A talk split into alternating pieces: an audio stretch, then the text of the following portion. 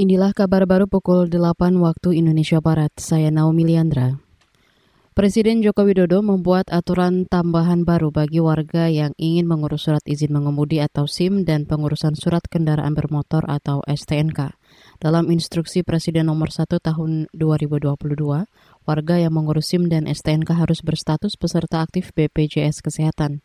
Aturan itu mulai berlaku mulai 6 Januari 2022. Dalam instruksi itu, Jokowi meminta Kapolri menyempurnakan regulasi yang sudah ada buat menyesuaikan instruksi baru.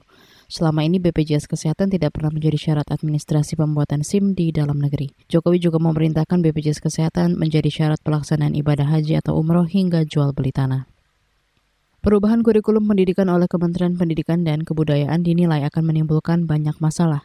Pakar pendidikan dari Universitas Pendidikan Indonesia, Said Hamid Hasan mengatakan, perubahan kurikulum sebetulnya hal biasa. Namun jika argumentasi perubahan kurikulum tidak jelas, maka akan menimbulkan masalah di lapangan.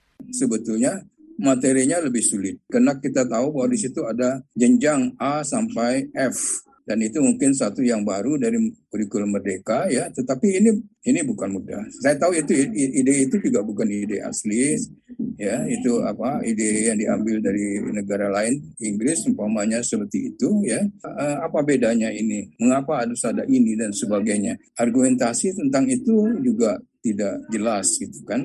Sehingga dengan demikian saya yakin ini akan menimbulkan masalah nanti di lapangan Pakar pendidikan dari Universitas Pendidikan Indonesia Said Hamid Hasan mengatakan, jika alasan diluncurkannya kurikulum merdeka adalah karena learning loss siswa selama pandemi, maka yang harus diperbaiki adalah metode pembelajaran bukan kurikulumnya.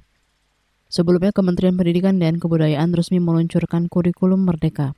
Dalam kurikulum merdeka, guru diberi kebebasan memilih format, pengalaman, dan materi esensial yang cocok untuk mencapai tujuan pembelajaran.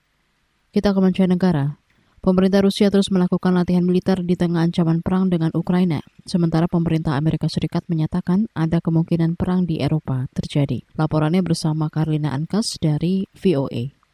Rusia minggu memperpanjang latihan militernya di Belarus, perbatasan utara Ukraina, setelah dua hari penembakan berkelanjutan di Ukraina Timur antara separatis pro-Rusia dan pasukan Ukraina.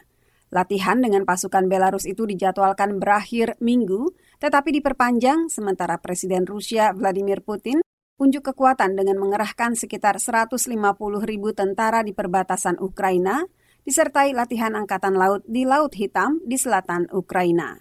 Dalam acara televisi CNN State of the Union, Menteri Luar Negeri Amerika Anthony Blinken mengatakan bahwa peningkatan tajam jumlah tentara Rusia yang dikerahkan dalam beberapa pekan ini, serangan siber terhadap Kementerian Pertahanan Ukraina dan bank-bank besar pekan lalu, dan kini meletusnya pertempuran baru di Ukraina Timur yang menewaskan dua tentara Ukraina, menandakan bahwa Rusia tetap pada rencananya melancarkan perang berskala besar. Separatis di Ukraina Timur mengklaim tetapi dibantah oleh Ukraina bahwa pasukan Ukraina merencanakan serangan di sana.